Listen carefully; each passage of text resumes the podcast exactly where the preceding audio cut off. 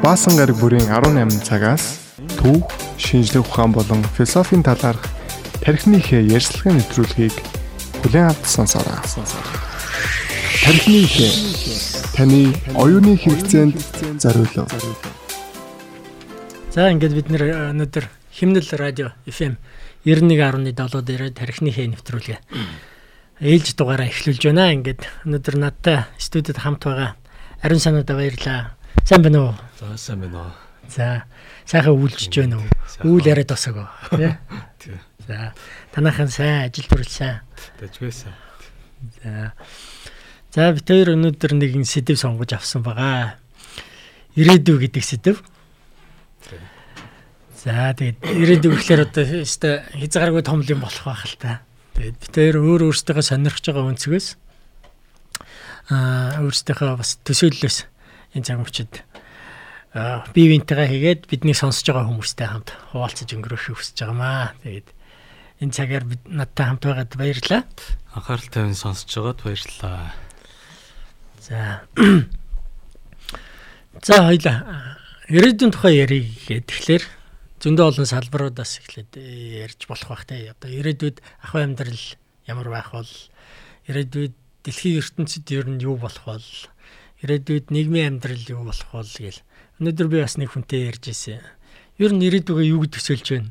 За нэг 10 жилийн дараа 20 жилийн дараа гэдээ асуусан чинь нөгөө маань за нэг 20 жилийн дараа хүүхдийнхаа хүүхдийг харна да гэсэн юм ярьсан.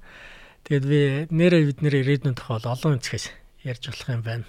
Харж болох юм байна. Тэгээд маш их тийшээ хүсэн тэмүүлдэг. Хэрнээ үнэхээр бас мэдэхгүй бас зүйл юм уу? бас тэгсэн хэрнээ маш их тийшээ бас их санаа тавьж зовж байгаа хэрнээ тэртээ тэргүүл болох хэвээр юм л болох байх таа гэдэг ингээд тайвшруулаач шиг тийм сэдв юм даа гэж бодож илаа. За ирээдүйн тухайд өөрөөхөө зүгээс хуваалцалахаар Нямсрын битүүрийн хамтран хийж байгаа хоёр дахь нэвтрүүлэг байгаа. Тэгээд өмнөх нэвтрүүлэг дээр бит хоёр номнуудын тухай болон одоо миний хийжсэн тэр орчуулгын бүтээлүүдийн талаар нь ярилцсан. Тэгээд тэрний дараа ямар сэдвээр ярилцах вэ гэд бид хоёр ярилцж байгаа. Тэгээд ер нь ирээдүй гэдэг энэ сэдвүүдэр нэлээд тийм хин хинийхэн сонирхол нийлсэн л тийм. Тэгээд энэ сэдвийг бид хоёр барьж авсан байгаа. За ирээдүй гэдэг ингээд яг ярихаар айгүй өргө үрээтэй. Аа. Бас нэг бодлоо их гоё. Аа тэгсэн мөртлөө их тийм толгой ажилуулах. Тийм. Тийм сэдв байгаа. Ирээдүйг болохоор зүгээр нэг юм фантаз гэж ингэж бас бодож болохгүй. Тийм. Ирээдүй гэдэг маань өөрөө бас тийм практик ач холбогдолтой. Аа дэлхийн улс орнууд төр засгийн байгууллагууд бизнесийн байгууллагууд ирээдүйг судалж идэг. Ирээдүй судлалын одоо юу гэдэг тусгай агентлагууд мэрэгчлүүд ажилладаг. Тэгээд тэд нар одоо технологи ийм юм төвчлүүд гарч байна. Дараагийн 10 жил 20 жилд одоо ийм төвшөндөө гарах юм байна. Одоо юу гэдгийг батлан малахын үүднээс бол сөнөөгч онгоц одоо 5 дахь үедээ ингээд орцсон. Одоо тун утахгүй дуунаас урдтай 6 дахь үеийн сөнөөгч онгоцод ингээд хийгдэх гэж байна. Утахгүй хэдэн жилийн дараа 5 жилийн дараа гэхэд одоо нөгөө нэг айрамдаа ингээд тараагдаад ингээд хэрэглээндээ орно гэд ингээд төлөвлөж байна. А тэгтэл нөгөө талаас нь юу вэ гэхээр нөгөө талаас нас төлөвлөж байгаа хөөх. Тэдэн жилийн дараа тийм сөнөөгч онгоц гарах юм байна. Энийг сөнөөхийн тулд тийм бож хэрэгтэй.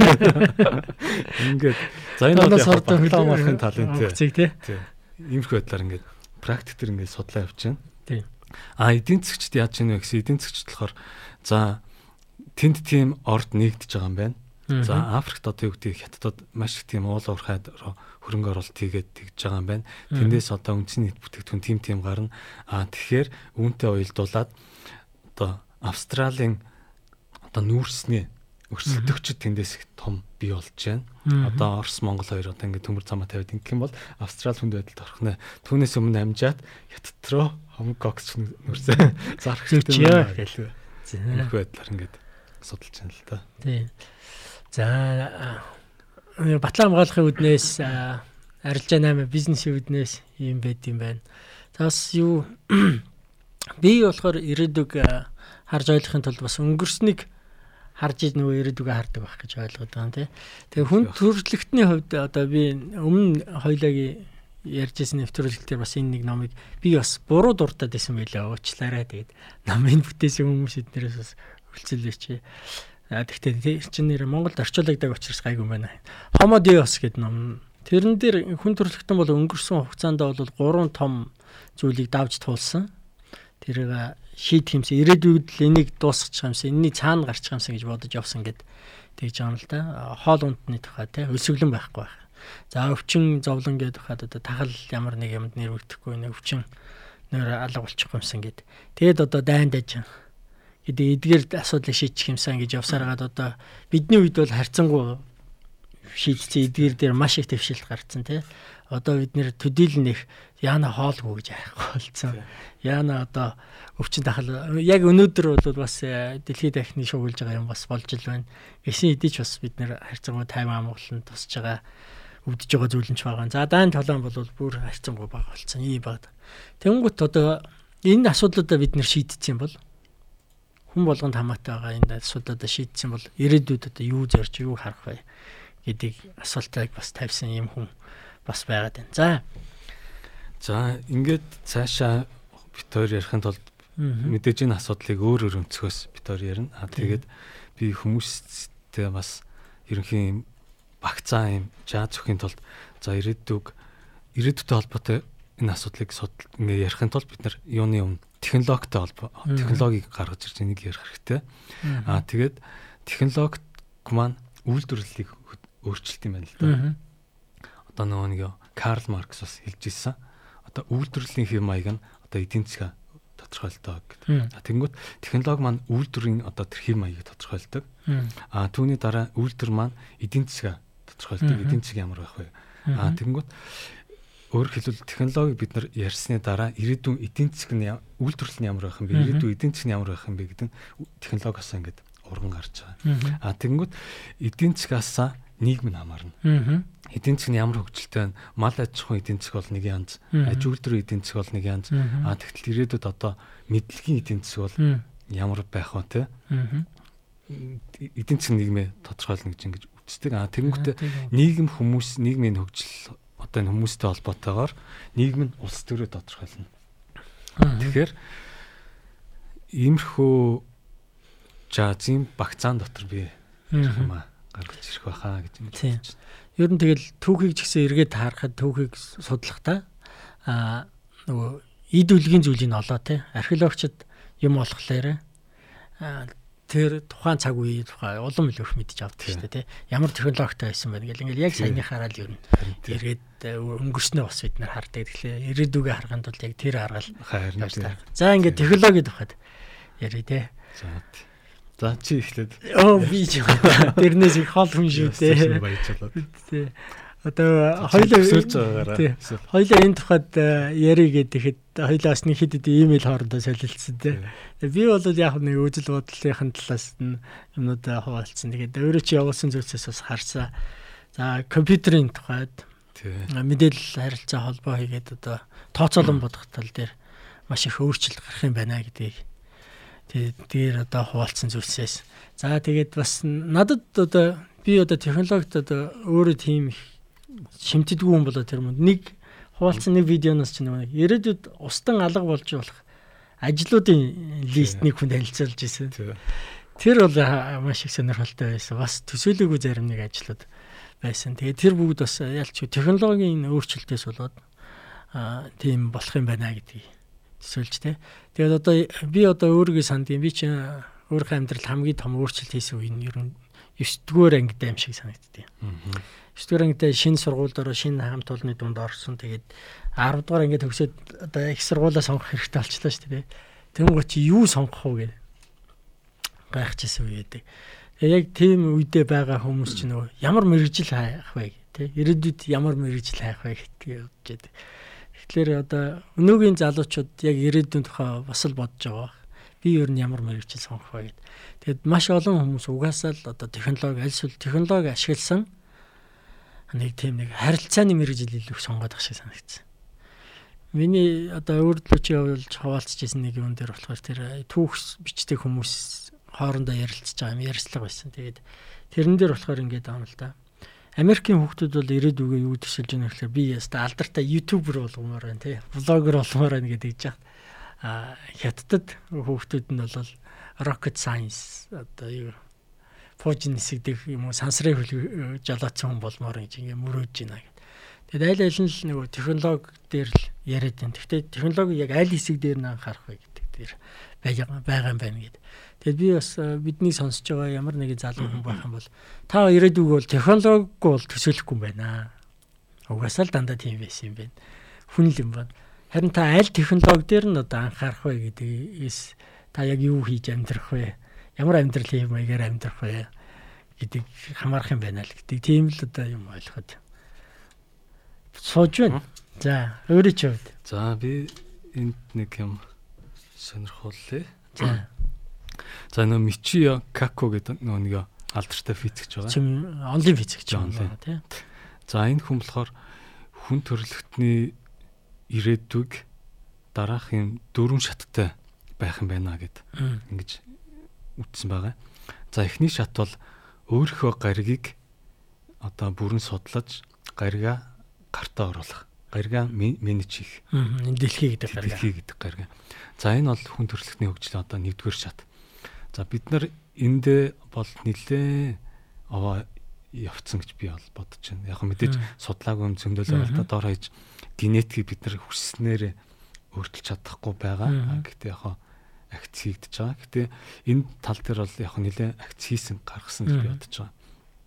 За хоёр дахь шат нь юу байх юм бэ гэх юм бол хоёр дахь шат нь хамгийн ойрхон байгаа ч юм уу одныхоо энергийг бүрэн ашиглах энэ нөгөө физик юм болохоор нөгөө физикийн үднэс том ялж байгаа. За энэ юу гэсэн үг вэ гэхээр бидний хувьд хамгийн ойрхон байгаа од маань нар. Тэгэхээр нарны энергийг бид нар бүрэн ашиглаж одоо ашиглаж чаддаг болно. Одоо зарим физикчд юу гэж ярьж байгаа сүүлийн судалгаанууд яаж вэ гэхээр одоо татах хүч гэдэг бол нүдэнд үл үзэхдээ одоо тийм бүр игэл бөөмсөөр ингэ дамжт юм байна гравитон гэдэг нэг тийм татах хүчин тийм эгэл бөмсгч байд юм байна гэдэг. Онлын үтнээс ингээд тодорхойлоод байгаа. Тэгэхээр энэ маань юу гэсэн үг вэ гэхээр яванда тэр эгэл бөмсгийг ашиглаад тэгэх юм бол магадгүй э, өөр ямар нэг одоо fossil fuel юм уу юм шатаахгүйгээр ямиг хөдөлгөж болох юм байна. Гаргийг хөдөлгөж болох юм байна гэсэн юм ярьж байгаа. Тэгээд үүнд мэдээж энерги хэрэгтэй тэр бүх зүйлд шаарддаг энергийг нарнаас авах тий нарыг ашиглаад дэлхийн байршлыг хөдөлгөнч гэдэг юм уу. Иймэрхүү онлайн юмнуудыг бид нэр судалж байгаа. За 2 3 дугаар шат нь юу вэ гэхээр за эхний шат нь сайн нэг өөрийнхөө гаригийг эзэмшнэ гэсэн. Эзэн болно. Хоёр дахь нь нараа бид нар ашиглая ашиглая менежин. А 3 дахь шат нь болохоор галактикийн энергийг ашиглана гэдэг. Бид нар ингэж эрдэмтэд ийм зорилт ирэн төвшүүлж байгаа юм. Галактикээр одоо бид нар сүүн зам буюу монголоор бол одоо тэнгэрийн заадс гэдэг энэ галактикийн нэг хэсэг. Тэгэхээр одоо магадгүй бүр хэдэн тэр бомжлын дараа магадгүй л те ийм ярьж байгаа. За дөрөвдүгээр шат нь юу вэ гэсэн дөрөвдүгээр шатгч байна гэж байгаа. Тэрний юу гэхээр хар энергийг ашиглах. Яагаад хар гэсэн бэ гэхээр нөгөө нэг энгийн нүдэнд үзэгддэг. Аа тэгээд хэр баргийн тийм э, долгионуудад мэдрэгддэг. Аа тэгсэн мөртлөө орчин тойрныхоо биетүүдэд нөлөө үзүүлж байгаа нь нөлөөлөл өөрөө илрээддэг. Аа тэгээд тийм энерги матер байна гэдэг нөө физикчд баталсан. Аа тэгээд энэ энерги маань одоо нийт орчлонгийн баг 95 6% нь баг хар энергиэс ингээд бүрдэж байна гэдэг. Тэгтэл энийг бид нэр одоохондоо сайн судалж мдээгүй байгаа. Аа ирээдүйд бол энийг судалж мэдэх юм бол одоо магадгүй өстой жинхэнэ цаг хугацааны машинч бүтгэж магадгүй гэж ингэж. За ийм дөрөв төвшөнд физикч. Физикийн талаас бол харах юм бол ирээдүг ингэж харж байгаа юм тий. За жамт хэлэх юм юу вэ? Надад дөө. Цааш нь техниктэй холбоотой хэд юм нэмэл. Надад одоо реакц бол яг одоо бол байдлаараа шоктой л байна. Юу гэж реакцлаа мэдгүй. За тэгээд энэ эрдэмтдийн одоо нэг сүүлийн нэг чиг хандлага бол Элон Масктай нэлээд холбоотой ч юм уу одоо Jeff Bezos Amazon компани ч байна. Тэгээд ер нь Америкт ер нь сүүлийн жилүүд энэ хөгжилтэй том гөрнүүд сансар шуудалтай маш их тийм анхаарал эхэлчихлээ. Тэгээд тэр дондаа 60-аад оныхан бол юу гэдгийг саран дээр хүн буулгана гэдэг бол тэдний амар том мөрөөдөл байсан. Тийм мөрөөдөл. Тэгэл тэр бол амар том үжил суртлын тийм нэгсний баг лоо зөгрөө тийм тэмүүлэл байсан. А тэгтэл манай нэрний хувьд бол Марс гариг, ангараг гариг баг тийм болж магадгүй юм шиг юм яригдчихээн. Тэгээд space race дахиад хийх гэдэг шүү дээ. Тэгэх гэдэг. Тэгээд энд болохоор сансрын хуралдаа. Тэг тийшээ хийгээд ингээд нэг сансар судал ингээд хөгжих гэтэл өмнө аюу тийм зардал ихтэй байсан. Аа. Яасан бэ гэхээр пуужингаа ингээд хөөргдөг маш нөө олон тэрбум долларын зардалтай. Пуужингаа хийгээд хөөргдөг. Тэгээ хөөргөд буу шиг сум шиг нөгөөт нь ингээд сансарт гараад тэндээ ингээд задардаг ч юм уу эсвэл бууж ирээд дэлбэрэл алга болдог нэг удаагийн төхөөрөмж байсан. А тэгэхээр Элон Маск тэрийг олон удаа буужаад буцаад ирдэг. Тэгэхээр чи хүн одоо жишээ нь машин цуугаад би нэг машин цуугаад одоо юу гэдэг эндээс зайсан ороод зайсанд машина хаяад дахиад нэг газраас өөр тишээ юу ч гэдэг баян шуурь очихдаа дахиад шинэ машин бодлож аваад байл амар их зарлалт тий. Тэгэхээр энэ асуудлыг Элон Маск тодорхой хэмжээр шийдэж чадсан. Тэгээд энэ магадгүй хямдч шийдсэн юм. Шансар судлалыг аюу тийм хүч оруулж өгсөн. Тэгэхээр ойрын ирээдүйн магадгүй энэ зууны ирээдүй бол сансар судалтай нэлээд тийм холбоотой байх шинжтэй байна. За өөр нэг зүйл бол одоо энэ физикч болон бусад хүмүүс хэлж байгаа AI буюу хиймэл оюухан бол маш тийм эдийн засгийг болон нийгмийг ер нь өөрчлөх шинжтэй байна. Бид нэр яг дараагийн нэг том хувьсгалын технологийн хувьсгалын босгон дээр байна гэх юм бол магадгүй энэ хиймэл оюуханы хөгжлийн босгон дээр байна шүү гэж одоо ингээд зарим нь ярьж байгаа.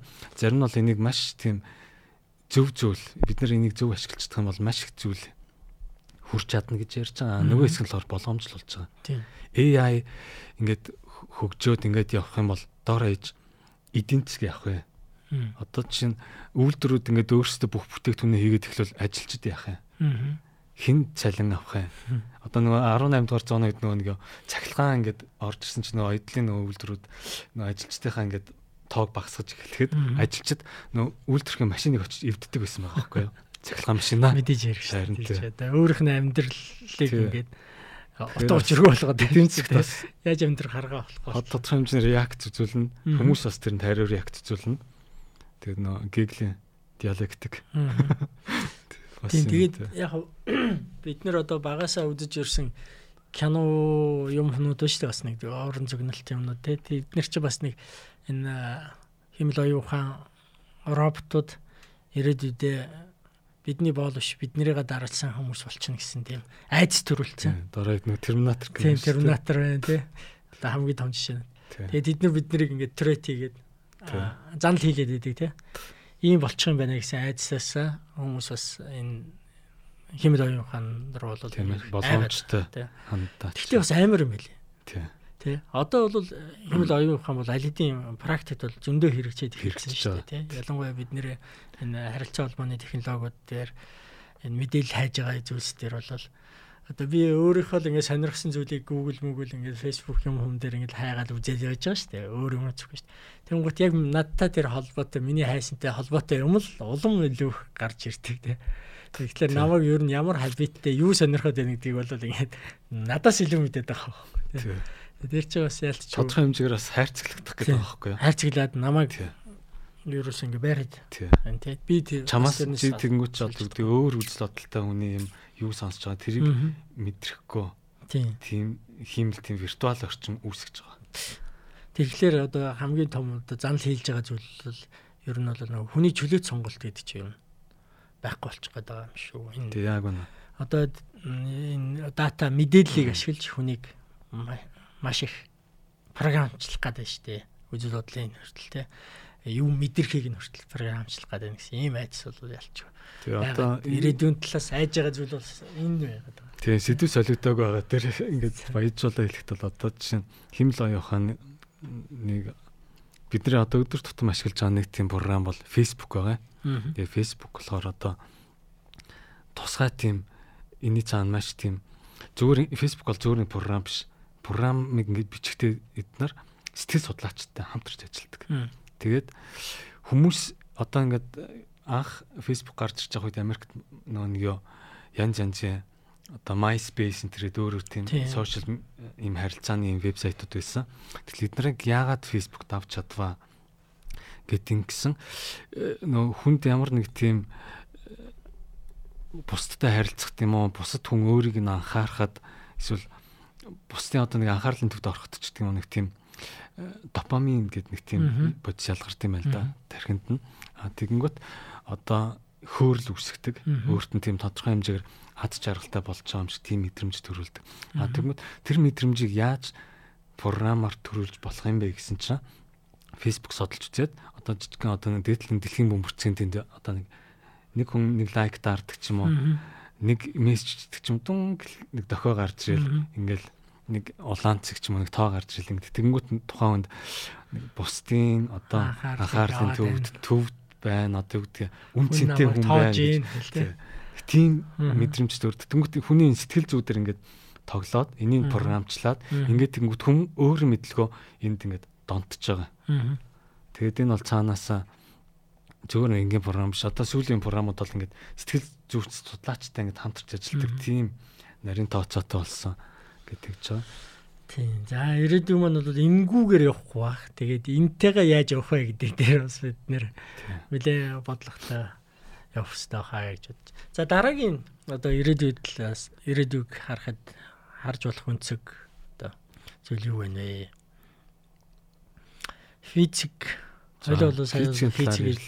Ярьлаа тийм. Химэл оюун ухаан. Химэл оюун ухаан. Ерөнхийд нь дурдчихлаа. За. Тэгээд За өөр гол нэг зүйл гэх юм бол за яг ирээдүйн ингээд технологитой холбогдоод ингээд хэлэхээр э, бидний одоо өдөр тутамдаа хэрэгжилж байгаа технологи бол хамгийн орчин үеийн технологи бол биш. Аа. За хамгийн орчин үеийн технологи хаана вэ гэхээр нэгдүгürt лабораториудад судлагдж байна. А хоёрдугаарт цэргийн салбарт явж байна. Тэгэхээр цэргийн салбар бол ертийн энгийн хэрэглэнээс бол 20-оос 30 жилээр төрүүлсэн явж байгаа. Аа хиймэл оюун ухаан ямар хөгжилтэй вэ гэдээ одоо бид нар энгийн хэрэглэн дээр одоо Facebook, Amazon ямар нэг YouTube ч юм уу видео үзэхэд видеоны санал болгодог ийм хэмжээгээр ойлгож байгаа бол аа цэргийн салбарын одоо хамгийн тийм дэвшилт зүйл нь бол одоо юу гэдэг одоо цэрэг нисгчгөө дронууд. Одоо энэ бол цэргийн хэрэглэнд бол нэвтэрсэн а байлдааны талбарт бол эхнээс ашиглагдаад явж байгаа. Ийм зүйл. Тэр нөгөө attention helmet гэдэг нэг би бас юусан. Одоо хэрэглэгдээд эхэлсэн. Тэгээ хүний анхаарлыг ингээд төвлөрүүлж чаддаг. Нэг бодлын нэгийг олж авчмаарч юм шиг. Тэгвэл анхаарлаа алдахгүй тэгээ яг хийх ёстой бай хийгээл явж байгаа ёстой юм шиг тий. Үнэхээр цэргийн салбар бол яалтчгүй шинжлэх ухааныг хөгжүүлдэг, шинжлэх ухааныг туршиж үздэг айхтар э, салбар юм билэ. Тий. Тэгээд дэрнээс энгийн амьдрал руу ороод ирдэг. За хоёлоо бол ингээд технологиос үйлдвэрлэл рүү ороод идэг аа гэж байгаа тий. Тэгээ үйлдвэрлэлээс эдийн засаг руу эдийн засгаас аа юу улс төр нийгэм улс төрлөг ингээд ороод ирдэг юм зүйл байна. Тэгвэл одоо за тэгэхээр технологитэй холбоотой за нийгэмдний хэсэгт нь би тухайн үед ярьчих. За үйлдвэрлэлд яаж нөлөөлөх юм бэ гэхээр за 90-ад оноос бид нар интернетд холбогдоод эдийн засаг одоо нэг цахим дижитал хэлбэрт шилжиж байна гэд. Тэгсэн одоо энэ шилжилт бол улам бүр хурдсаж байгаа. Одоо Монголд сүүлийн хэдэн жилд банк санхүүгийн үйлчлэгэнд бол финтек гэдэг шинэ зүйл нэвтрээд одоо маш тийм өөрчлөлт гарч байна л да. Бид нар өмнө байрныхаа мөнгийг одоо очиж төлдөг. Хин нэгний төлбөр тооцоо банкн дээр очиж хийдэг бол одоо гар утсаа ашиглаад хийдэг болж байна. Тэгээд энэ бол бас нэг тийм нийгэм рүү одоо ингээд орж ирж байгаа технологи. Одоо нэг тийм Монголын нийгэмд одоо гарч ирж байгаа нэг үзэгдэл юмд дижиталчлагдчихж байгаа. А тэгэхээр үйлдвэр бол улам бүр юм цахим болно. Аа робот ч а үйлдвэрлэлийн маяг нь болохоор хиймэл оюун ухаан дээр суурилнаа гэдэг. Юу санагдаж байгаа одоо социализмыг байгуулад социализм ч хацгаа нэг аж үйлдвэрлэлийн хувьсгал бий усны дараа ялангуяа их хөлөө олж байгаа шүү дээ. Тэгээд хүний амьдрал чинь нөгөө ингээд хэдэн зуунаараа өвд эцэс автсан тийм амьдралын хэм маягтай байжсэн аа. Ийм аж үйлдвэрийн ажлын цагтай ийм амьдралтай болоод эхэлсэн чинь тухайн үедээ бас тийм яриа болж исэн гэд би одоо түүхийн номноос уншиж ирсэн. Хүн ажлын 8 хан цагтаа ажиллачаад одоо бус цагаар нь яах юм бэ гэл. Тэнгуут нь хариуны байна уу одоо үзүр үйлчлэгээ соён гигэрсэн юм болно. Одоо гээд тэгээд ингээд ер нь бол энэ амьдралын хим маяг гэдэг бол яалтч өөрчлөгдсөн ба. Одоо тэгээд бид нар бол яг тэр түүнд нь ингээд дасцсан үед төрж өсөөд амьдэрсэн. Тэгээд нөгөө ийм угаасаа л хүнд нэг ажлын цаг, өөрийн хувийн цаг, юу гэдэг амралтын цаг гэж байгаа гэж ойлгодог болцсон. Юм шиг санагдтiin. Тэгэхээр одоо энэ ажил үйлдвэрлэлийн хувьсгал ингээд өөрчлөлт бий болсноос болоод ингээд технологи би болоод тэрнийг дагаад үйлдвэрлэж би болоо үйлдвэрлэлт нь нийгэм рүү гарангууд нийгмийн амьдрал өөрөө ингээд сонирн болоод ингээ өөрчлөгдсөн тэр өөрчлөлтийнхаа үр дүнг одоо бид нэр ямар ч байсан 20 дугаар зууных нь үр дүнгээр бол бид нэр амьдарч байна гэж би болоо ялгаад байгаа. Тэгвэл ирээдүйд энэ технологийн өөрчлөлтүүд бидний энэ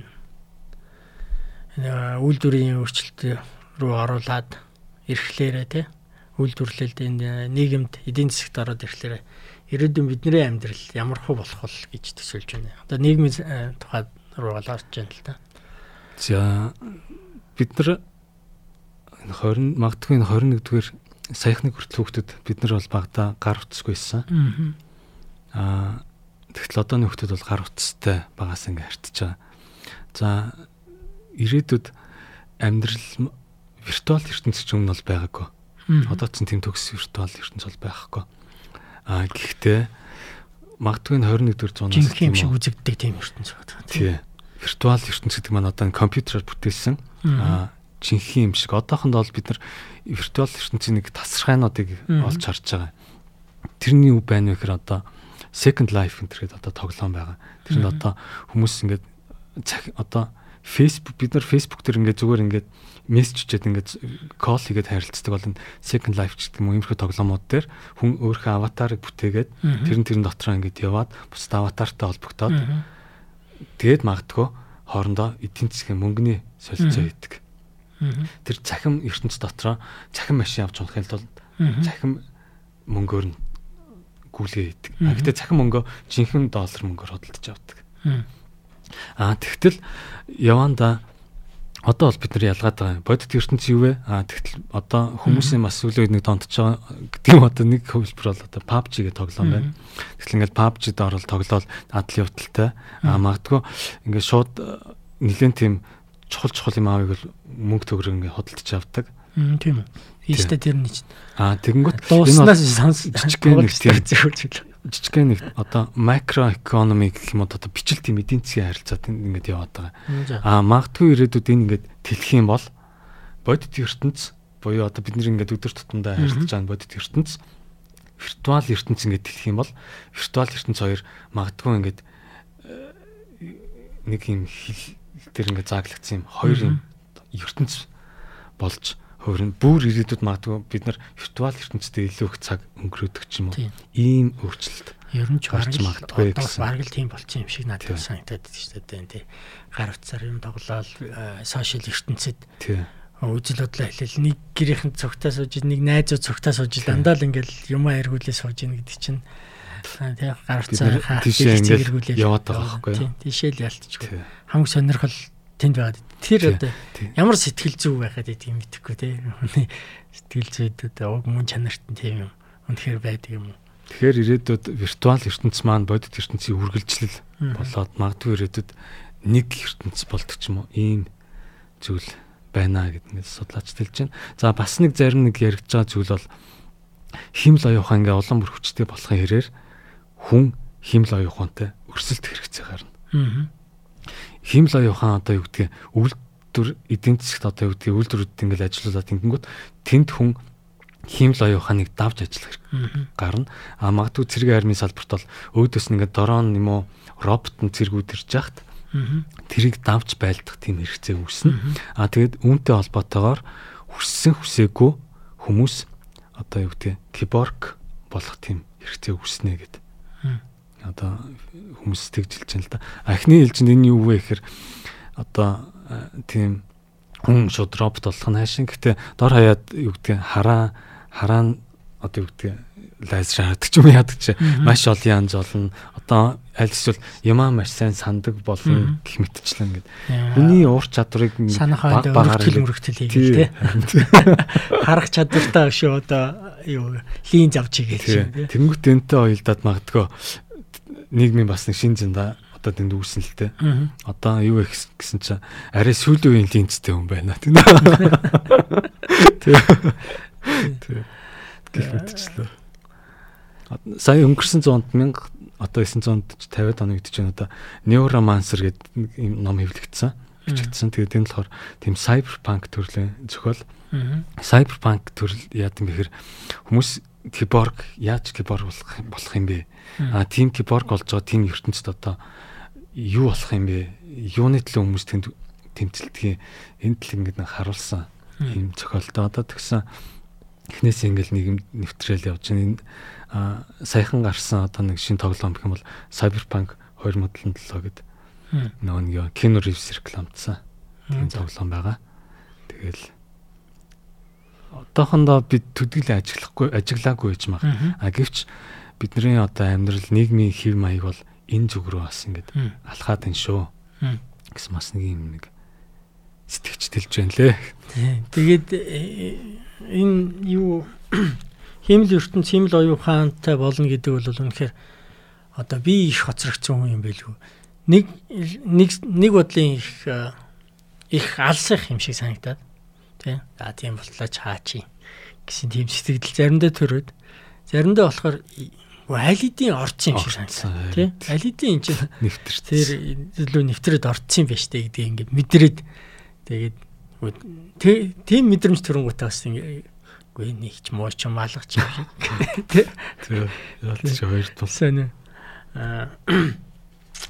На юу нөгөө одоо хэдэн жилийн өмнө бас нэг ийм кино гараад айгүй олон хүмүүс бас их чочирж ирсэн нөгөө Matrix гэдэг кино гараа тий. Тэр чинь ингээд залгагдаад тийм химэл ертөнц руугаа залгагдаад байгаа шүү дээ. Тэр дотор амьдардаг. Өөрийгөө жинхнээсээ бол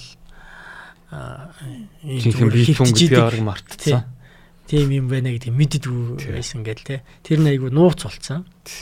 Тэр нэг илчлэх нь одоо тэр баатрын гол дүр одоо гол ажлуудын нэг болж таарсан те.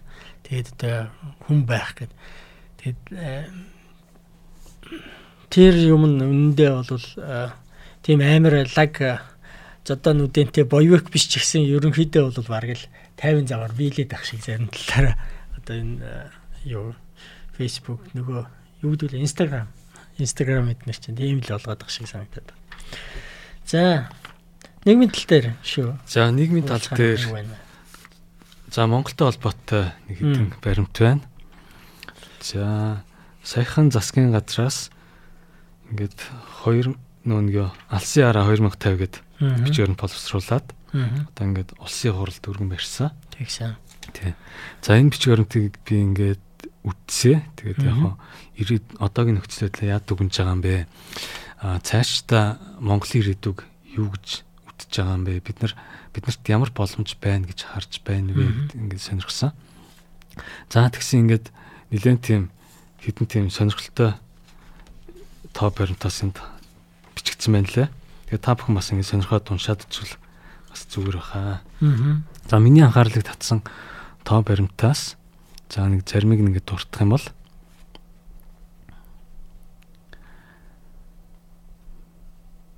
За одоо за би энэ тэндээс нь шууд явчихъя.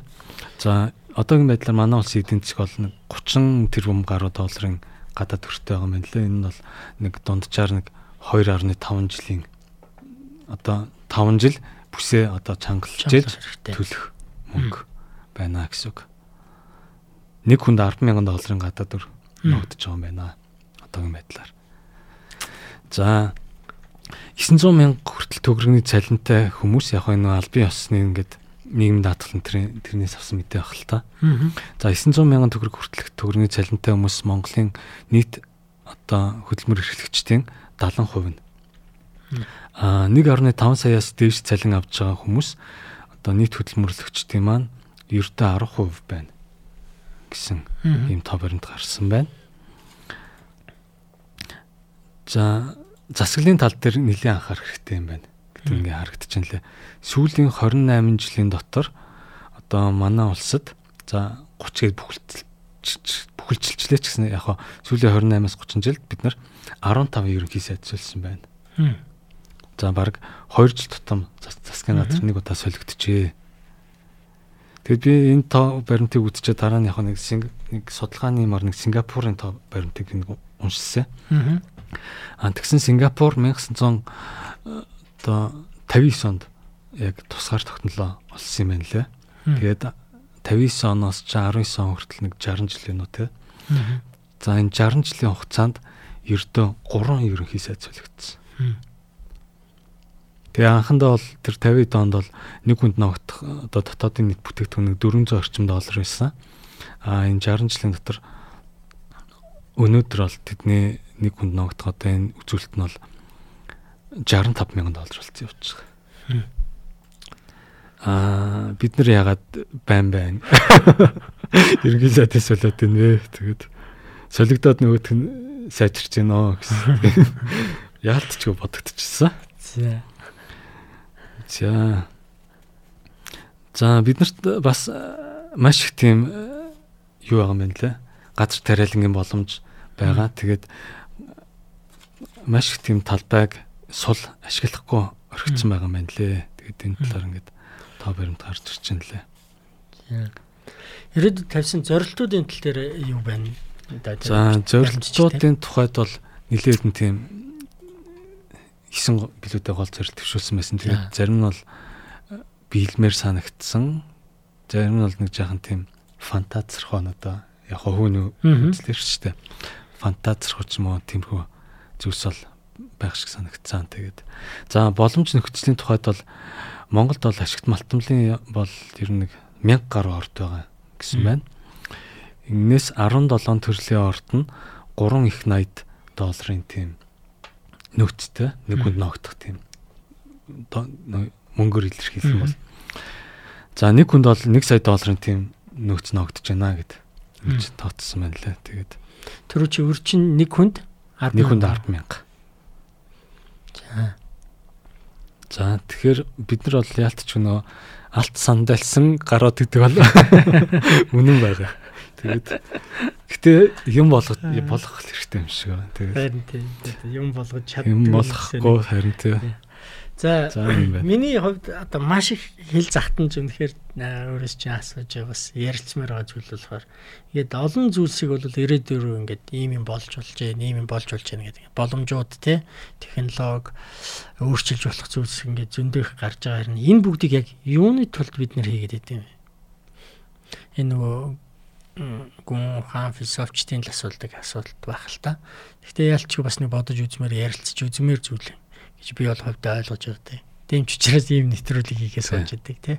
Гэхдээ энэ одоо энэ химэл оюун ухаан энэ зэвсгийн ийм дэвшилтэд зүйлс энэ нийгмийг өөрчлөх гээд байгаа зүйлс бүр нийгмийн амьдрал одоо би бол ингэж ойлгодог байсан байхгүй юу. Байгалыг бид нэр өөрчилж баршгүй юм байна. А хүн хүн болвол нийгмийг л бий болгодог. Нийгэм бол хүний бүтээл юм байна. Байгаль бол бурхны бүтээл юм байна. Гэсэн тийм ойлголттой байж идэл одоо бүр одоо физикч хүмүүс бол хэлээд байна дээ. Байгалаа хүртэл дэлхийг хүртэл өөрчилж байгаа. Ийм хилдэг ийм бол. Тэгэхээр энэ зорилгоодыг ийм хүсэл мөрөөдлийг ийм болно гэж тэмүүлж байгаа яг юунд хүрэх гэж тэгээд байгаа бол тийм том амбиц тавиад энэ хүмүүс юм ямар ч лээс ирээдүйр бол тэмүүлээд байгаа тийм яг ирээдүйн тэгээд яг юунд хүрэх гэд тэмүүлээд байгаа. Магадгүй цаад гол зүйл нь бол оршихуй юм уу да. Ер нь амьд зүйл болгон оршихын төлөө тэмцдэг юм шиг байна. Тэгээд тэр дундаа бол хүн бол өөрийнхөө оршихыг илүү үнцэнтэй тооцоод. Хүн бол бас нэлээд тийм эгоист те. Одоо нэлээд тийм өөрийнхөө төлөө маш их тэмцдэг, тэмүүлдэг. Тэгэд магадгүй нэг хүчинд одоогийн байдлаар энэ дэлхийн дэлхий дээр номер 1 аратан бол хүн гэж тооцогдож байгаа шүү дээ. За номер 1 төрөл зүйл бол те араа байхгүй болохоор гэж. Тэгээ гэхдээ бид нар бол одоо түүхийн ном зам уншихаар чи өчнөө олноор носталж байлээ шүү дээ. Зөндөө олон сайхан амьдлаа. Тэгээд яг өөртөө хэрэгтэй юмнуудаа болохоор өчнөөнөр нь үржүүлээд Тэдэндээ бол бас инэрлгүй ханддаг тий. Одоо хичнээн зон дахиа байгаа ч гинөө тэд нэрийг яаж ч амьдруулж байгаа гинөө тий. Хүнлэг байх хэрэгтэй. Хүнлэг байгаа ч нугасаа тэр байгаа даа байхгүй тий. Хүний мэс чанар нь өөртөө хэрэгтэйгээрээ байлгах. Магадгүй цаа тийм биолог, химийн тийм хэрэгцээ юм уу? Тэр нь ах л та. Орчхон хэрэгцээ. Энэс болоод хүн ялтч үгээд хөгжөхөөсөр аргагүй болоод идэг. Тэгэхээр энэ ирээдүйн зорилгыг бол бид нэр ерөөсөө биолог энэ ам гэдэг юм яг л ямар нэг хэмжээгээр хадгалах зориг болчиход байх шиг байна тий. Гэтэл нөгөө талаас хамаг байдаг хүсэл мөрөөдөл нь биологоос салах болчиход байгаа. Тий. Ялтчихоо. Нөгөө virtual ертөнцид очие тий. Энэ биологийн амьдрал. Тэнгүүт одоо яг философичд одоо том асуудал тавьж эхэлнэ л тий. Эхэлж байгаа. Хүн гэж юм бэ тий. Аа. За За ингээд тэхээс төрсэн одоо бид нар ямар нэг тийм сайжруулалт хийгдэг байгаа те. За энэ бол хүн байна гэж үзье. За тэгтэл за энэ хүн одоо магадгүй нэг гүүж аваад гимтээд нэг хөлөө гимтээччээ. Тэнгүүд хиймэл хөл хийя. Илүү сайн хөл хийчээ. Одоо 100 км явсан чи ядартай хөл хийгээд гэдэг. За хөлийн солилцлоо. Тэгжээс магадгүй нэг гарын солидог ч юм уу. За тэгжэд зүрхэн муудаад хахаар зүрхний аппарат хийчлээ. За ингэнгүүт энэ хүмүүнөө гэсэн асуудал ингээд тавигд. Тэгж амьдрахаар одоо хүний жамаараа амьдрвөө гэдэг тий асуулт гараад. Тэгээд за энэ бол философчдын бол нэг тийм толгоогоо гашлах асуудлууд. Тэнгууд л яг эргээд л ер нь анханасаа ямар байсан бол эргэж харах хэрэг гардаг юм шүү. Тий. За тэгээд ингээд түүх хаашаа өрнөд байна вэ гэдээ ингээд харахаар энэ бүх ингээд ирээдүйг зориод байгаа зүйлс чинь яг юунд хүрэх гэж зориод байгаа юм бэ гэд харахаар миний одоо харж байгаа л миний дуулсан хүрээнд бол юу яагаад тах шүү. Түүхийг ихэнх тохиолдолд одоо энэ орны гүн хаан одоо бид нар бол буддизмтэй их харах юм байна. Буддизмд бол түүхэл ерөөсөө нэг зориод байгаа юм байхгүй. Энд чинь ингээл зүгээр ингээ эргэлдээд байгаа. Хүрдэн дотор эргэлдээд байгаатай адилхан юм аа нэг зориг гэдэг юм байхгүй гээд хэлээд ах шиг санагд тий. Аа за нөгөө талаас энэ Христ итгэл энэ Авраамийн шашинтай хүмүүс бол түүхт нэг тэнд нэг очиад нэг төгсгөл нэг цэг байгаа апокалип гэж хэлдэг те. Одоо нэг телос нэг зориг юм тэнд байгаа. Тэгээ тийшээ явж байгаа. гэж ингэж хэлээд байгаа. Юм хоёр л зүйл баг шиг байна. За тэгээ яг гуравт нь шинжлэх ухааны одоо ямар нэгэн шашин шүтлэг юм ихтгэл үнэмшилгүй эргэж харах ямар шаардлагагүй. Ерөөсөө л урагшаага дайр гэж байгаа хүмүүс бол яг юу руу дайраад байгаагаа нэг ямар ч лээс одоохондоо биологийн нэг амьд бай гэсэн хүсэлээр цаашаа явуулчихъя гэсэн ийм нэг гурван зүйлээс л гурван одоо өнцгөр л ирээдүйн рүү тэмүүлээд ах шиг санагдаад. Аа За технологи төр би хоёр юм хэлээгүү дутаа үлдээсэн байна. За нэг нь болохоор цөмийн одоо fusion energy гэдэг байгаа. Хүн төрөлхтөө 2 дугаар зуунд бол бас л нөгөө цэргийн зориултаар анх атомыг ашиглаад атомын зэвсэг бүтээсэн. Аа тэгвэл тэр нь болохоор цөмийн задрал дээр ингээд үүссэн. Цөмийн задралаас одоо маш их энерги ингээд бий болгодог. За тэгээд энийг цэрэг дайны зорилтоор ч ашигласан. Одоогийн байдлаар нөгөө инхийн зорилтоор атомын станцуудад ашиглаж байгаа. За энэний нөгөө цаа технологи нь болохоор нөгөө атомыг задлаад хүнд атомыг ингээд задлаад атомын одоо нөгөө протон, электрон энэ ингээд задрахтаа маш их энерги ялгаруулдаг. Тэрийг нь доктортой байдлаар ашиглах замаар ингээд нөгөө эрчим хүч үүсгэж байгаа. Аа сул тал нь гэх юм бол радиац үүсгэнэ Аа тэгээд маш их тийм радиацтай хаягдл бас үүсгдэг. За энэний дараагийн арай нэг цэвэр хэлбэр нь юу вэ гэхээр эрдэмтэд одоо судал онлын үед бол э, гаргалгаа олцоод байгаа. Практик дээр бол хийж чадахгүй байгаа. Аа чинь Францд бол нэлээд олон хэдэн билет энэ нэлээд их тийм тэрбум долларын санхүүжилт гаргаад одоо юу яаж байгаа. Одоо эрдэмтдийн дараагийн шалтгаан болохоор атомыг нэгтгэх хоёр атомын төвийг ингээд цөмийг хооронд ингээд нэгтгээд шинэ атом үүсгээд а ингээд бас маш их хэмжээний энерги ялгарна. Энэ бол илүү цэвэр энерги байна гэж одоо ингэж үзээд байгаа. А тэгээд энийг практик болгох гэж одоо маш их тийм ажил хийж байгаа. Тэгээд хэрвээ энийг хийж чадах юм бол одоо хамаагүй илүү цэвэр энерги бий болно. Одоо нэгсэндээ дэлхий дээр нарыг бий болгож байгаа хиймэл нар үүсгэх ийм тийм технологи маа гэдэг ингэж ярьж байгаа. хүчийг дандаа тесрэлтээс авдаг Тий. байсан бол одоо хүчийг юм нэгдлээс нэгдлээс авдаг болох Тий. тийм өөрчлөлт хийх гэдэг нь тий. Тий. За хэрвээ энэ бүтэх юм бол одоо маш тийм энергийн салбарт том хувьсэл хувьсгал үүснэ. Одоо баг нөгөө зарим болохоор энерги эрчим хүч үнэгүй болно гэсэн. За иймэрхүү юмнууд ярьж байгаа. За хоёрт нөгөө түрүүн дуртаагүй өнгөрцөн зүйл болохоор квант компьютер байна. За химлой ухаантай холбоотойгоор бас нэг компьютерийн салбар маань одоо дараагийн шатанд ингэ гарах гээл юм л та. За бид нар Pentium 2, Pentium 3 тэдэн гэрцэл ингээл яриад явуулсан. Аа тэгсэн юу гэхээр процесс нэг жижигхэн жижигхэн зайд нөө процессор нөө CPU-нуудыг нөө чипүүд ингээд шахаж ингээд хийдэг байсан. Аа тэгээ сая А хэд дэрчлээд сүүлийн их нь болохоор 7 хэдэн жилийн өмнө 12 14 нанометр хэмжээтэй тийм чипүүд үйлдвэрлэж чаддаг байсан. Тэгээд энэ бол энийг бол дахиад жаахан сайжруулж болох юм а гэж үзсэн. Одоогийн байдлаар нэг 7 нанометр хэмжээтэй нь одоо улам бүр жижигхэн болж байна гэсэн үг. 7 нанометр хэмжээтэй тийм чип одоо үйлдвэрлэж байгаа. Магадгүй бүр суперкомпьютерууд одоо дээд зэргийн тийм тусгай лабораториудад бол бүр ингээд магадгүй 4 5-ын судалгаач гэсэн хийгдчихэж магадгүй. А гэхдээ ингээд энэ нанометр хэмжээ багасах тусам одоо нөгөө физик шин чанар маань өөрчлөгдөөд одоо ертийн одоо Ньютоны физикийн ертөнцөөс халиад атомын ертөнц рүү ингээд орох гэдэг. Тэгээ ингээд атомын ертөнц рүү орохоор компьютер бидний одоогийн хийж байгаа энэ хэрэгжилж байгаа компьютер маань шин чанарын өөрчлөгдөд шаал өөр төвшний компьютер үүсгэхээс өөр аргагүй болно. А тэгээд тэр компьютер болохоор квантын компьютер гэж нэрлэж байгаа. Тэгээд туршилтын загвараар бол саяхан Google компани, Amazon энэ бол квант компьютер хийж чадлаа. Юу лээ квантын супремаси квантын давамгайлт хүрлээ бид нар квантын тийм тооцоолыг хийж чадлаа гэсэн юм ярьж байгаа. А тэгэхээр ойрын ирээдүйд бид нар хүн төрөлхтөй аяг бол энийг бодит практикт бол нэвтрүүлж магадгүй юм 20 30 муу 50 жилийн дараа ч юм. А тэр үед бидний одоогийн компьютерийн хэрэгтлээ бол маш тийм шал өөр төвшөнд гарна. Одоо жишээ нь хэрвээ квант компьютертэй хакер байлаа гэж бодох юм бол тэр бол одоо бүх банкны код бүх банкны одоо юу юг бол ерөөсөө нэг өдрийн дотор балж тавина л гэсэн үг л дээ. Тэгэхээр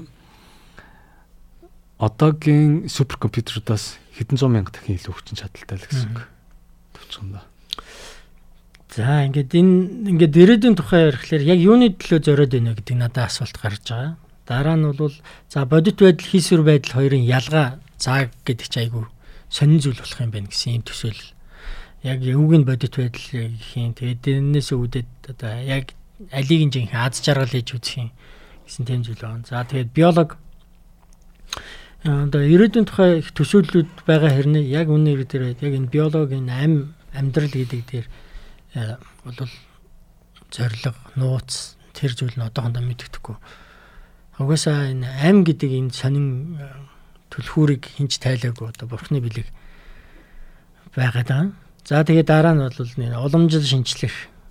Тэгэд юун дээр гарсан ч гэсэн одоо нийгмийн амьдрал одоо технологийн хувьд ч гэсэн яг юуг нь уламжилж авч цаашаа явахын юуг нь бүр ор тас хаях юм одоо ор тас хаягддаг технологиуд бол зөндөө байна шүү дээ тийм ээ. Тэгэл яах. Тийм. За сонсогч ингээд багцлаад гэх юм бол бид төр ингээд одоо ирээдүй гэсэн сэдвийн тухай ингээд ярьж байна. Тэгээд ирээдүй тухай ярихын тулд технологийн талаар бид хоёр ярьлаа.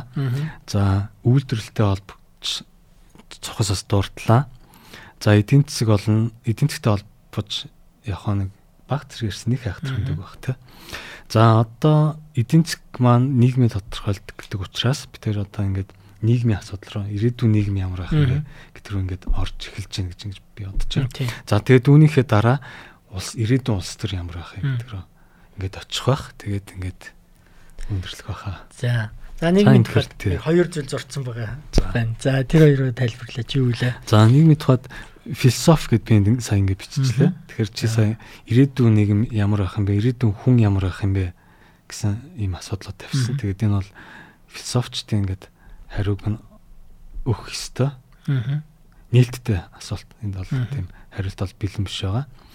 За чамаагийн тал дээр илүү их ярих байх гэж би бодож байна. Тэгээд за ирээдүйн нийгмийн тухайд бол за миний бодлол одоо өмнөхийн технологитой холбоотойгоор нэлийн тийм өөрчлөлт орж магадгүй юм шиг байгаа.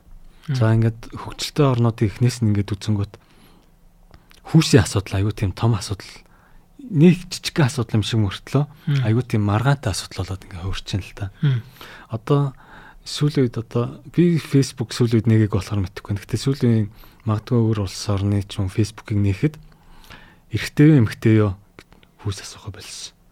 Хүүс нь аюу олон янзын хүүс асуудаг болсон гэж байна эрэгтэй юу эмэгтэй юу одоо юу юу лээ эсвэл нь жишээ одоо юу тий. Тэгэхээр энэ маань нийгмийн ингээд нөө хүүхдийнхээ төрсний бичлэгээ дээр эцэг их тавихгүй байна гэдэг байгаа шүү дээ Тэгээд одоо өмнө магадгүй уламжлалтаар бол гэдэг эрэгтэй эмэгтэй магадгүй ингээд сар мөчдөг юм хүүсэсэн бол одоо эрэгтэй яжгаад эмэгтэй болсон транс эмэгтэй яжгаад эрэгтэй болсон нөгөө чиглийн транс одоо юу юм те.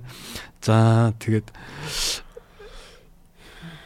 маш тийм энэ бүхэн тэгээд нийгэмд аюу их асуудал бий болгоно. Тэнгүүт тэ цаашаа гэр бүлийн харилцаа гэр бүл одоо ямар ах ирээдүйн нийгэм гэсэн ийм асуудлууд гарч ирнэ гэдэг.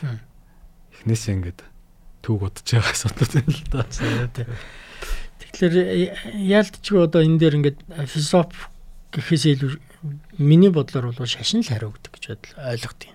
Тийм тийм ч учраас би өөрөө бас шашны салбарт ажиллаж амьдэрдэг. Миний одоо баг амьдралын утга учир нь тэндээ байдаг. Тийм тэгээд э, шашин номлол э, зүйлс бол хүмүүс их яг бид нар нөгөө социализмын дараа ингээд бас үед амьдарч байгаа хүмүүс учраас итгэл үнэмшил шашин номлолыг бид нар нөгөө тарих угадаг зүйл гэж бодоод тах шүү. Гэтэл эн чинь өөрөө бидний биднийг одоо яг ертөнцөө таньж мэдж байгаа ертөнц ахуй амьдралтайгаа өөрөө өөртөө ижил хүн төрөлтөнтэйгээ харьцаж байгаа харилцаа байгаа даа. Одоо би тэр нөгөө мэрэгчлүүдийн тухай ярьж байсан шүү дээ тийм ээ. Одоо үйлдвэрлэл гараад ингээд хүний мэрэгжил гэж юм гаргана гэд. Тэгээд би ингээд ардын дуу сонсож байгаад энэ тухай бодож байсан байхгүй юу. Ардын дуу дуун дээр ингээд малаа маллаад явж байгаа энэ миний заяа юм аа гэж толоод байгаа байхгүй юу цаанаас нөгөөгцсөн. Тийм, цаанаас нөгөөгцсөн. Бурхан одоо ингээд э, юу яатсан те? Хуваарлцсан юм байна. Хуваарлцсан те. Тэгээ тэр нь өөрөө тэр хүнийх нь үнэт зүйл нь болцсон.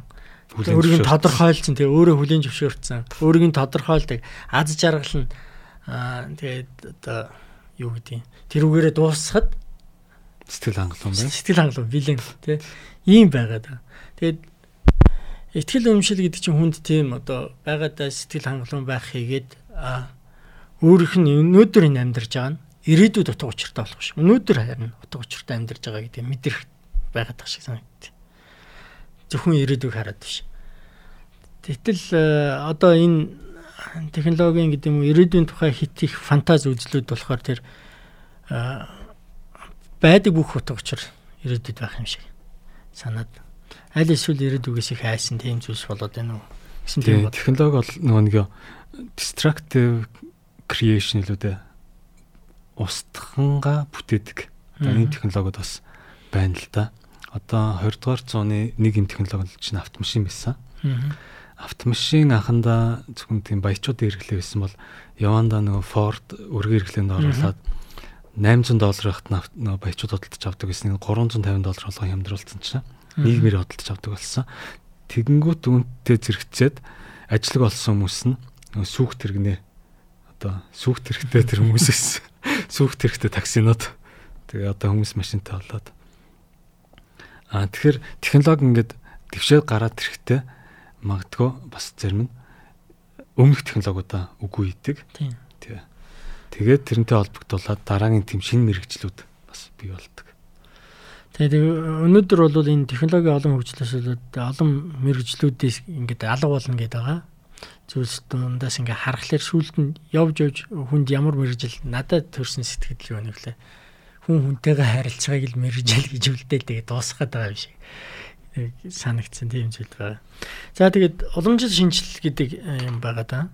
Тэгэд энэ бүгдийг одоо яг зорихыг юуг одоо нийгмийн амьдралыг зохион байгуулахыг бол яалч хүн үндсэн дээр гэж ойлгож байгаа. Би бол хувьдаа. Тэгээд гэр бүл хүний амь, хүний эрх чөлөө, чөлөөт сонголт энэ бүгд бол юу нөгөө шинжлэх ухааны ч ойлголт салбар биш. Тэгээд философийн ч ойлголт салбар зүйл биш юм шиг ба. Энэ бол ерөөсөө цэвэр шашны итгэл үнэмшлийн салбарын зүйл. Тэгээд хүн ягаад ч юм одоо өөрийгөө тийм нэг хов зохиолтой одоо монголчууд хэлээ нөгөө тэнгэр цаяатай байдаг гэдэг шиг тийм нэг байдлаар ялч бид нэр өөрсдөө хараад байна. Тэгээд энэ маш их холбоотой гэж ойлгодог. Энэ бол ирээдүйн бид нэр технологийн талаас харахад ингээд айгүй сүрдмэр юм шиг мундаг юм шиг огт мэдэхгүй зүйл рүү явж байгаа юм шиг. Хэрнээ яг үнэ дээр эргээд бид нэр нэтгэл өмчлийн талаас харах юм бол тийм чих аимсчтай сүрдмэр юм бол байхгүй байх байх гэсэн тийм сэтгэл төрөд. Аа тэгээд яг би саяхан болсон нэг дэлхийн нөгөө мэдэн дээр болсон зүйлийг хараад бас нэг тиймэрхүү сэтгэл төрж байсан. Нөгөө Британь ч их Британь ч Европ холбооноос гарчлаа шүү дээ. Тэгээ дээрэс нь айгүй олон улс орнуудын улс төр зэтгэлтнүүд нь ер нь бол энэ үндэстэн гэдэг ойлголт өөрсдийн өөрсдийг л бодъё гэсэн тийм. Одоо намайг ингээд ерөнхий боловсролд сурж явах үе чинь одоо глобалчлал глобалчлал гэдэг амар нэг модтай үг явж исэн. Одоо ер нь тэрийг дурддаг хүн чиж байхаж болцсон юм аашаа тий. Тэгээд харин одоо юу болж байна гэхээр манай улс манай үндэстэн гээд ингээд ялч юу эргэл тэр нэг өөрийн гэсэн тэр үн цэнийг одоо дэлхийг хавтгааруулж исэн бол одоо бол ингээд сегментлээд хуваагаад байгаа юм шиг. Тийм л надад тийм дүр зураг төсөөлөл буугаад энэ дунд хамгийн гол нь би манайх бид нар одоо националист тийм одоо үжил гаргахдаа яг юугаа манайх гэх юм бэ? Юуг уламжлалж дараа үед залгуулах гэдэг юм бэ? Юуг болохоор энэ манайх биш. Эннээс жоох ичиж явах хэрэгтэй. Энийгээ болиё гэж залгуулах юм бэ гэсэн ийм асуудлууд их тулгарх юм байна да гэж ойлгож байгаа. Тэгээд э, ирээдүг харахаар би өөрөө нөгөө библийн э, зүйл э, зүгнэл ирээдүг харж байгаа зүйлстэй бас их ойр явдаг болохоор тэр юм. Ирээдүйд бол би бас бас нэг төрлийн тийм апокалип хүлээж байгаа. Тийм зүйл болох байхаа. Энэ чигээр ингээд юм явахгүй байхаа гэсэн тийм төсөөл. Би тэгээ саяхан нэг бадам сонгоо бугыг мэдэх байхаа тийм нэг аялын цагийн хөвтлөө явдаг юм байгаа шүү дээ. Түүх юм санагт. Тэгээ тэр хүний нэг ярилцлагын гарчийг харчаад би бас гайхажсэн. Тэгээд одоогийн хүмүүст энэ ирээдүйн тухай хүмүүс санаа зовж байгаа хүмүүст бас үнэлгээ өгж байгаа юм уу гэж. Би хувьдаа бол тэгж харсан. Юу гэхээр одоо ирээдүйд бол нэг амиа авч явж чаддаг тийм чадвар байхгүй болох гээд байна. Тийм чадвар бол зөвхөн энэ одоо сүүлчийн нүдэлчиж яг биднэрт л байгаад одоо тэгээд үг болох гээд байна гэсэн. Тиймэрдүү юм ярьсан байсан. Тэгэд энэ л э, уг нь бол хамгийн үнцэнтэй юм шүү дээ. Энэ бүх технологи эднэр чинь гээд нэг тэнэг гар очиад нөгөө болдгоо улаан авчиад арчих юм бол тэгэл паркал байхгүй болов бүх эрчим хүч унтардаг юм уу яа тийм тэгээд буцаагаад босгон байгуулна гэдэг чи амар хэцүү юм болно. Барагтай юм барахгүй болно тэгтэл тэр хооронд дахин ийм зүйлийг босгон байгуулах тэр хугацаа хооронд газар яаж тариалдгийг мал яаж малалдгийн үхрээ яаж саадгийг гэдэг тэрийг чаддаг хүн л амьдраа шүү дээ. Иймэрдүү юм бас одоо чин цөмийн дан болол гэсэн үгнээс ярьж байна тийм. Нэг галав бод байна юм уу тийм. Одоо катастрофик юм болох юм биш үү гэсэн. Тийм бас нэг төсөөлөл хүмүүст бас байгаад. Өөр чинь ямар хөө төсөөлөл. За би тэр үднэс нь хараагүй л дээ. Галав юулах шаа. Гэхдээ тийм дэлхийг хамарсан тийм гамшигын эрсдэл бол байгаа. За нилээ хэдэн тийм үндслүүд байгаа. За гэхдээ одоо юу хоёлоо одоо нилээ улс төрлөө орж эхэлж байна гэж би одоо ингэж ойлгож байна. Тэгээд энэ үтнээс одоо шууд тэр талын юмнуудыг хэлж яриа явчаа. За.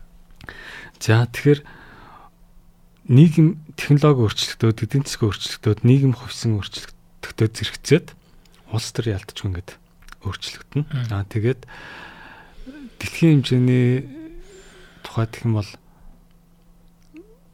одоо юу гэдгийг Америк за шууд л юм бол Америк цайгаа тавьж өгөх гэдэг нь удаа гэсэн юм бас яригдчихэж байгаа. За Америкийг Ромын эзэнт гүрэнтэй зүгэрлж байгаа. За тухайн үед Ром хүчрэх байх үед бүх нөө ойр хавийн улсуудаа эзлээд вассал болгоод тэгээд тэндээ тэгээд цэрэг ухаангууд нь байсан. Аа тэгтэл өнөөдрийн байдлаар дэлхийн цагдаа нь бол одоо жишээ нь Америк болцсон байна. Аа дэлхийн баг 800-аад дэлхийд даяар 800 гаруй цэргийн баазтай. Тэгээд баг 140 улсад байна удаа цэргийн бааз нь байж байгаа гэж байгаа. Тэгэхээр нэгсэндээ Ром шиг яг хуу шууд колончлоо эзлэх нь хаашаа. Гэхдээ тэнд Америкийн тим хүч нөлөө бол аюу бодтой оршиж идэг. За энэ үднээс бол Америкийг эзэнт хүрэнтэй ингээд зарим судлаач нар л ингээд зөвөрлүүлээд байгаа. А гэхдээ сая нөгөө 90-ад онд зөвлөлт холбоот тус задарсан дараа Америк нэлээд тийм ганцаараа тийм манлайлах бодлого аюух төвшүүлсэн.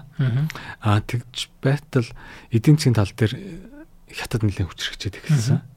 Тэгээд ингэж хурдан хүчрэгчин гэж Америк санаагүй л дээ. Бас нэлээд тийм балмагдсан.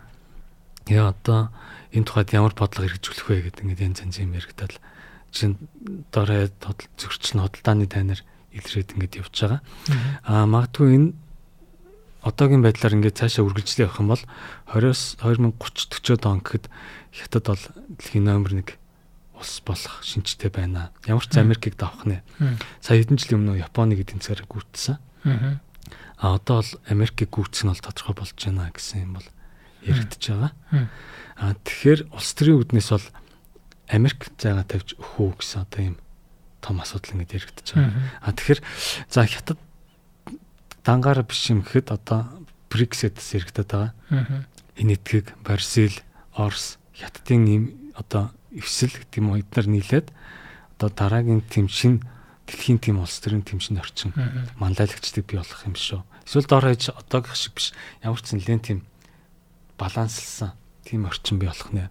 А үүнтэй уялдаатайгаар чиний түрүүн хэлэдсэн даяаршил гээд 90-ад он 2000-ад оны ихэр аягүй хүчтэй ингээд сурталчилсан ярьсан бид нар энэний нөлөөгч сонс нэлээд тийм хурц мэдэрсэн л дээ.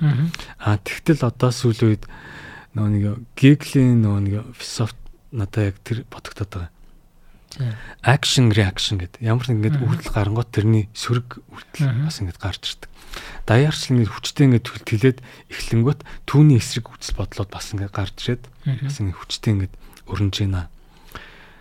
Даяарчл зарим зүйлийг магтандуулж байгаа хэрнээ нөгөө талаасаа бас аюултай зүйл А даяарчлал эцсийн зорилго бол дэлхийн засгийн газар буюу дэлхийд дээр ганцхан улс бий болох зорилготой. Аа хэрвээ даяарчлал амжилтанд хүрэх юм бол Монгол гэсэн улс дэлхийд байхгүй. Орос гэсэн улс байхгүй. Зөвхөн дэлхийн улс гэсэн одоо юу гэдэг. Нэг улс бий болно гэж одоо даяарчлал эсэргүүцэгчд нь ингэж хэлдэг. Тийм болохоор бид үндэсний одоо чиний төрөвчилсэн уламжлал заншил одоо тэр юу юм бэ гэхээр хэрвээ бид нар уламжлалт хүн Монгол хүн Монгол нүүдэлчин гэд энийг хадгалъя гэх юм бол бид нар даяарчлалын эсрэг тодорхой хэмжээгээр зогсохоос өөр аргагүй болж байгаа. А тэгээд үүний одоо нэг чинь одоо чинь Британи бид нар Британи хэвээрээ баймаар байна. Бид нар бодлогоо бид нарт ирдүү тэр Европын холбоонд байгаа тэр түвшмэд ноёдуудаар заалмаарг байна. Британи бол британчуудын улс. А тэнгуү Трамп болохоор Америк бол Америкийн төлөө гэл Тэгээд USA гэж одоо тэгж ашиглал. Тэнгүүд нөгөө зүйл нас эсэргүүцэл ийм орчинд л одоо бид нар ингээд Австрийн хувьд бол глобал орчин бол ийм төвшөнд одоо орж ирж байна л да. Тийм. Саний юм аа тэгээд э, юу миний хувьд бол яг нөгөө яг ингээд дэлхийн ертөнцийн улс төр ингээд энэ байдал бол бүгд юм нэг салан задгай ийм байх үед нөгөө миний итгэж өмшдөг хүлээж аваад байгаа тэр итгэл өмшил дээр болохоор ингээд апокалипс болно гэсэн тийм зөвнөл байдаг байхгүй. Тийм тэгээд тэр утгаараа би бас их ирээдүйг сонирхоод байдаг юм шүү. Ер нь юм тохирон тэр зөвнөдөөс юм тохиронд бүрдээд байгаа юм шүү. Гэт ингээд гайхаад үздэг. Тэгээд би бас яг энэ сэдвэр бол надаа одоо хоёлаа ярилцахаас өмнөх нь л өнөөдөр ч гэсэн би бас бодож байсан би эргээд өөр бас энэ шасан сортгооны хүмүүстэй ирээдүйг юу гэж хараад идэх сонирхож үзмээр сонирхмаар юм байна гэж бодсон. Тэгээд энэ бүгдийг юуны төлөө хийгээд идэв те. Яг тэгэхээр энэ яг одоо ингээл нийгэм ингээд юу философи итгэл үнэмшлийн тал дээр нь энэ ирээдүйн тухай юу гэж харах юм бэ гэхээр маш хязгаарлагдмал өнцгөөс би хувьд бол өөрийгөө дүгнэд харж ин да гэд. Аа тэгээд бусад хүмүүс бас айгүй тийм хязгаарлагдмал талаас тийм өнцгөөс бас харж иж магадгүй. Тэгээд сонсох хэрэгтэй гэдэг байх гэж тийм надад бол бодол төрсэн. Ирээдүйн тухай бодохдоо бас ер нь ирээдүйн тухай эртнээсээ юу гэж зөвнж бодож төсөөлж исэн. Тэрийг бас нэг эргэж хүн болгон хардаг байгаасаа шүү. Би бол хүсэж байгаа.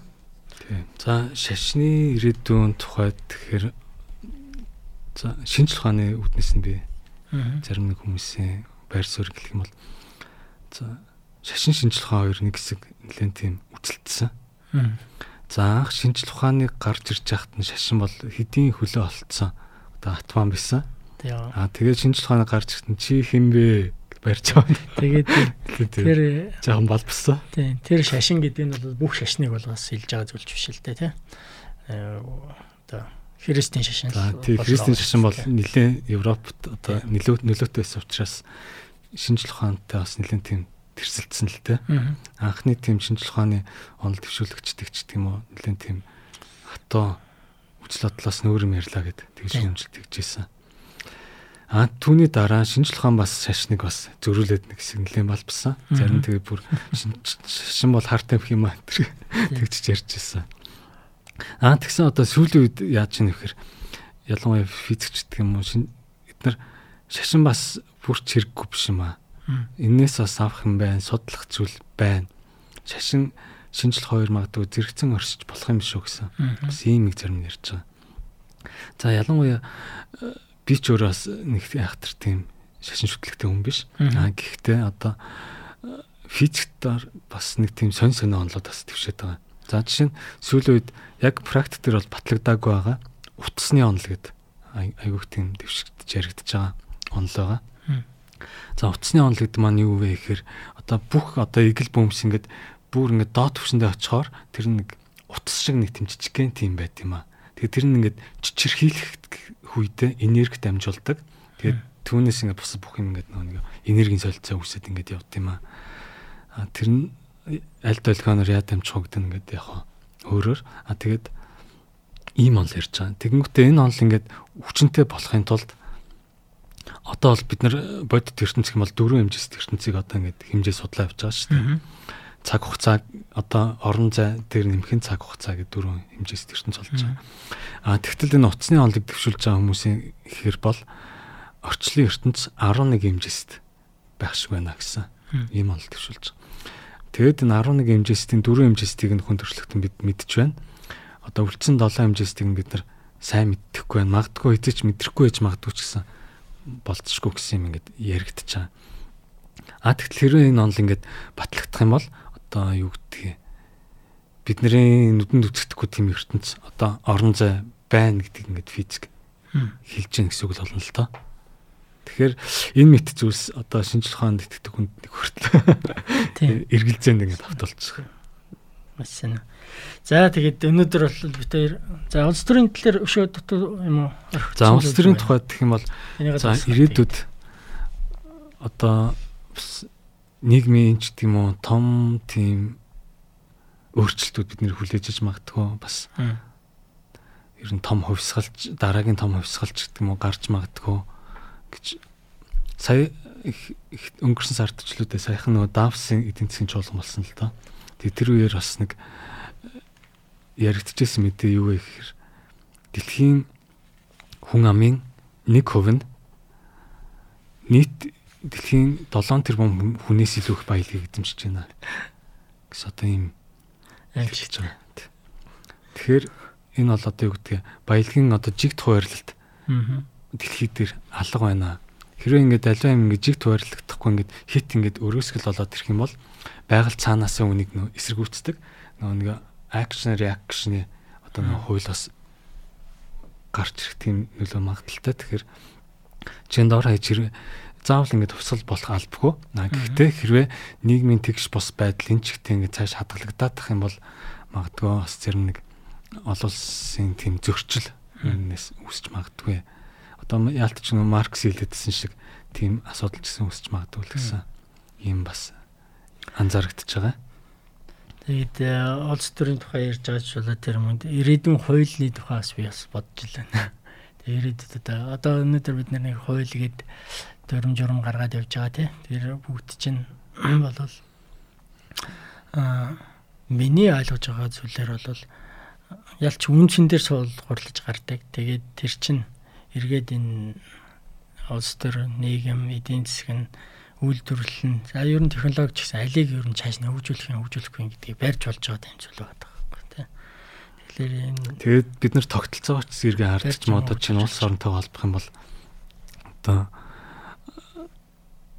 эдийн засгийн хувьд ямар газрууд илүү хөгжөөд байна вэ гэхээр улс төрийн тогтвортой тэрийгээ сайн зөв авч явсан тийм газрууд байгаа. Хятад жишээ нь эдийн засгийн чөлөөтэй орхисон гэсэн улс төрөө өөрсдөө барьцсан учраас одоо ингээд дэлхийн том гүрэн болж чадчихээн. Аа Сингапур гэхэд 60 жилийн хугацаанд 3 ерөнхий сайд солисон байна. Аа тэгтэл бид нар ардчлалд орлоо гэд одоо 28 жилийн дотор 15 ерөнхий сайд солисон байна. Тэгээд үр дүн юу байна вэ гэсэн одоо ийм асуудал яригдж байна л да. Тэгээд ардчлал үнэхээр зөв зам мөн үү?